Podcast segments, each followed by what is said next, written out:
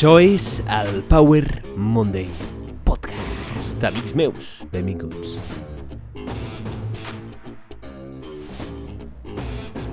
Som-hi, let's go!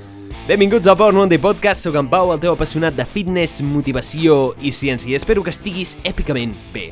Aquesta setmana et parlaré del missatge més important de totes les religions del món. I per l'altra banda, l'Organisme Internacional sobre el Canvi Climàtic, torno a parlar de canvi climàtic, qui ho diria, ha més el seu comunicat fa un parell de setmanes i el resumiré i et parlaré de una possibilitat que tenim o una acció que potser hauríem de prendre tots, que és l'autosuficiència i la sobirania alimentària. Així que anem a començar aquesta setmana. Estima els altres com a tu mateix. Estima els altres com a tu mateix. Marc 12, 28b, 34. Aquestes frases, en teoria, les va proclamar Jesucrist. I faig referència a la Bíblia, però podria referenciar pràcticament a qualsevol religió. I és que si hi ha alguna cosa en la que coincideixen les grans religions és que estimar els altres com a un mateix i també estimar-se a un mateix són essencials per viure en pau i harmonia.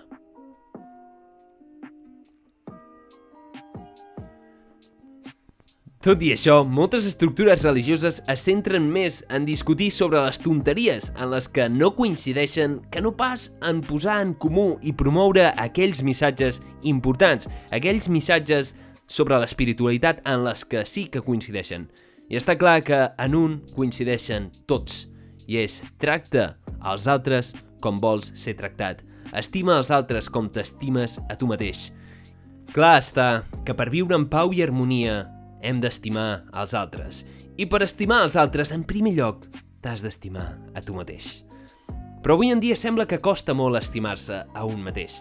Estem creant uns estàndards de bellesa, uns estàndards del que hem d'aconseguir, unes expectatives de com hem de ser nosaltres de com a persones, i al final això pot ressentir la nostra autoestima. Una cosa ha d'estar molt clara. La teva vida és teva. I l'has d'estimar, sigui com sigui, perquè no serà de cap altra manera si no la canvies tu. Per tant, ets completament responsable d'una cosa, d'estimar-te a tu mateix i donar-te amor. I per estimar-se a un mateix has de ser capaç de perdonar, has de ser capaç de respectar. I no m'entenguis malament, estimar els altres i estimar-se a un mateix no vol dir que estiguis d'acord en com estan les coses sinó que estimes de forma incondicional la vida que tens i les circumstàncies que l'envolten. Ets increïblement únic i t'hauries d'estimar tal i com ets. L'amor és essencial per la vida en societat, però també és essencial per la teva vida. I de fet, és essencial per la teva vida i per tant és essencial per la vida en societat, perquè si no t'estimes a tu mateix, ets incapaç d'estimar als altres. És una frase molt cliché, però és tan certa com que la vida és increïble. Llavors, hi ha una cançó que m'agrada molt de Shinedown pel missatge que té, que es diu How Did You Love? I el missatge és aquest. Pots tenir mil veus que criden el teu nom, pots aconseguir tot allò que et proposis, però no és tan fàcil mantenir això, perquè tot, tot es converteix en pols tard o d'hora. Pots ser una persona que odia, pots viure una mala vida, però aquestes mentides que expliques al teu cor et faran més mal a tu que als altres. I és que en aquesta vida ningú en surt en vida. Cada dia és fer o morir, et pots morir cada dia, però l'única cosa que deixes enrere és com vas estimar. I aquest és el missatge essencial de la cançó. Com vas estimar és el teu llegat. Com et vas estimar a tu i com vas estimar els altres determinarà la qualitat de la teva vida. Com vas estimar? M'agradaria saber la teva opinió sobre l'amor i com t'estimes i què podries fer per estimar-te encara més. I ara anem a per la segona part d'aquest episodi. Recentment, l'organisme científic de la ONU, l'IPCC, el panell intergovernamental sobre el canvi climàtic, ha emès un nou informe sobre l'emergència climàtica i va emetent informes de forma regular. El missatge no és gaire nou, però és definitiu – la veritat, estem bastant fotuts i depèn de nosaltres evitar la catàstrofe climàtica. Bàsicament, una cosa que es porta dient des de fa uns 20 o 30 anys ben bons, que és hem d'actuar ja. Llavors, què ha dit de nou aquest informe de quasi 1.000 pàgines de l'IPCC? Bàsicament hi ha una cosa molt important, i és que, per fi, la ONU s'ha posicionat, és a dir, les Nacions Unides, per tant, tots els països ens hem posicionat i s'ha reconegut que inequívocament el canvi climàtic és causat per l'acció humana. Inequívocament. És a dir, això és culpa nostra, i encara que no fos culpa nostra, està en les nostres mans evitar-ho. En segon lloc, hi ha una cosa que també han deixat molt clara, que no hi ha cap regió que s'escapi del canvi climàtic.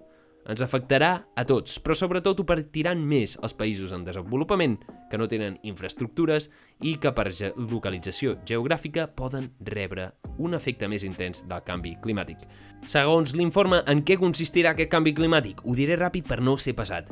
Disminució del permafrost, de la neu, dels glacials, bàsicament augment de la temperatura, events de temperatura extremes que afectaran l'agricultura i salut humana, intensificació de ciclons tropicals, de tempestes extratropicals, sequeres, inundacions i incendis.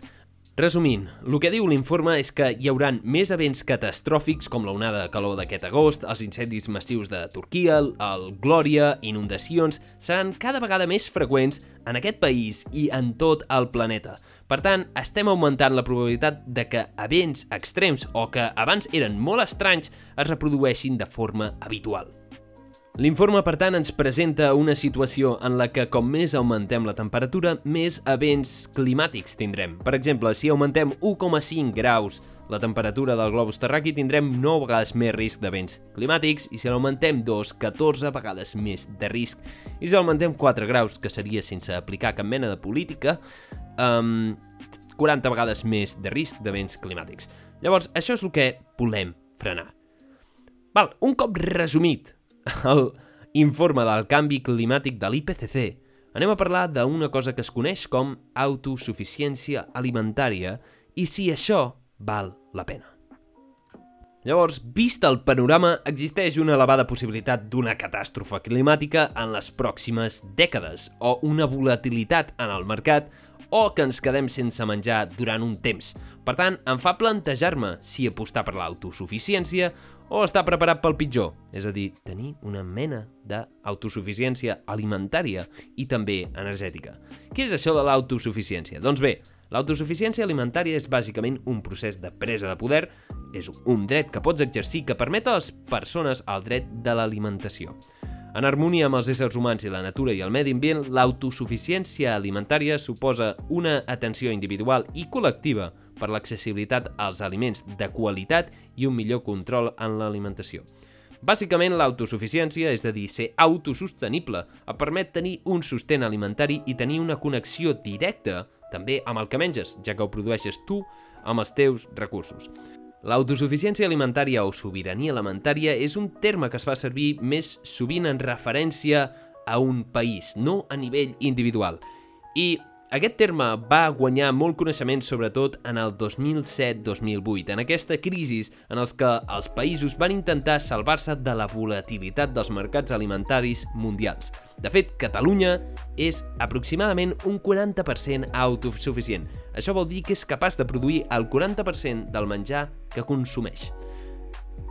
Però en aquest episodi m'estic referint a l'autosuficiència individual – és a dir, la capacitat de procurar per al teu menjar i per al de la teva família a nivell individual, perquè pot ser que tot falli.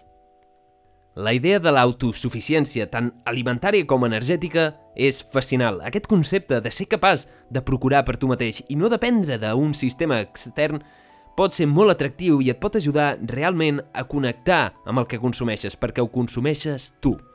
Però tot i que aquesta idea és molt atractiva i cultivar tomàquets i albergínies durant la primavera i l'estiu és molt fàcil, cultivar durant el llarg de l'any i dominar la tècnica de l'horta, evitar les plagues, les associacions que existeixen amb l'abonat i les tècniques que s'utilitzen durant tot l'any, així com aprendre a conservar les collites i ser capaç de que això sigui un sostén alimentari pot arribar a ser molt difícil per una persona sola. Per tant, l'autosuficiència completa potser no és tan utòpica, com potser ens sembla, però tot i així jo crec que l'autosuficiència hauria d'estar present en totes les cases. Tenir aquesta capacitat de produir part del teu menjar, produir un 40, un 10% del teu menjar, produir de proximitat i vincular-te més amb els aliments que produeixes. També existeix una altra cosa, que és estar preparat per la catàstrofe i és bàsicament comprar recursos suficients per sostenir-te en cas de que hi hagi una crisi. Me'n recordo recentment, amb la pandèmia del coronavirus, no sé per què es va acabar el paper de vàter. La gent va anar com bojos a comprar al supermercat i es va acabar el paper de vàter. Llavors no t'estic dient que vagis corrents a comprar paper de vàter perquè pot ser que s'acabi en la pròxima crisi o pandèmia global que tinguem, però sí que hauríem o podries estar preparat per una crisi, és a dir, tenir una mica d'aliment, llegums, cereals, aquells aliments que no es fan malbé, tenir alguns béns que són necessaris per sobreviure, com certs medicaments, simplement ser conscient de que les crisis poden passar, passar, i és millor prevenir que curar. I és molt millor tenir paper de vàter que no tenir-ne, tot i que no entenc per què es va acabar. No sé si algú m'ho sabria explicar, perquè crec que hi ha altres maneres d'aixugar-se el cul. Llavors ara ve el més important de tot. Què n'opines tu? Creus que has d'estar preparat per una catàstrofe? Creus que s'ha d'apostar per l'autosuficiència alimentària a nivell individual? O hem de dependre del nostre país? O crear petites comunitats on sostenir-nos i crear el nostre aliment? Crear el teu sostén o dependre del sistema establert? Això t'ho deixo respondre a tu. I això és tot per aquest episodi. Moltíssimes gràcies per haver escoltat aquest episodi. Espero que t'hagi agradat o t'hagi aportat alguna mica de valor. Recorda, si t'ha agradat, si us plau, comparteixo amb els teus amics, envia'm algun comentari a Power Monday Show i t'ho agrairé moltíssim. Pots posar-me follow a Spotify o me gusta a qualsevol plataforma pràcticament de podcast. Recorda, estima els altres com t'estimes a tu mateix, però primer de tot, estima't a tu mateix al màxim. Aprèn a perdonar-te per aquells petits errors i estima la teva vida.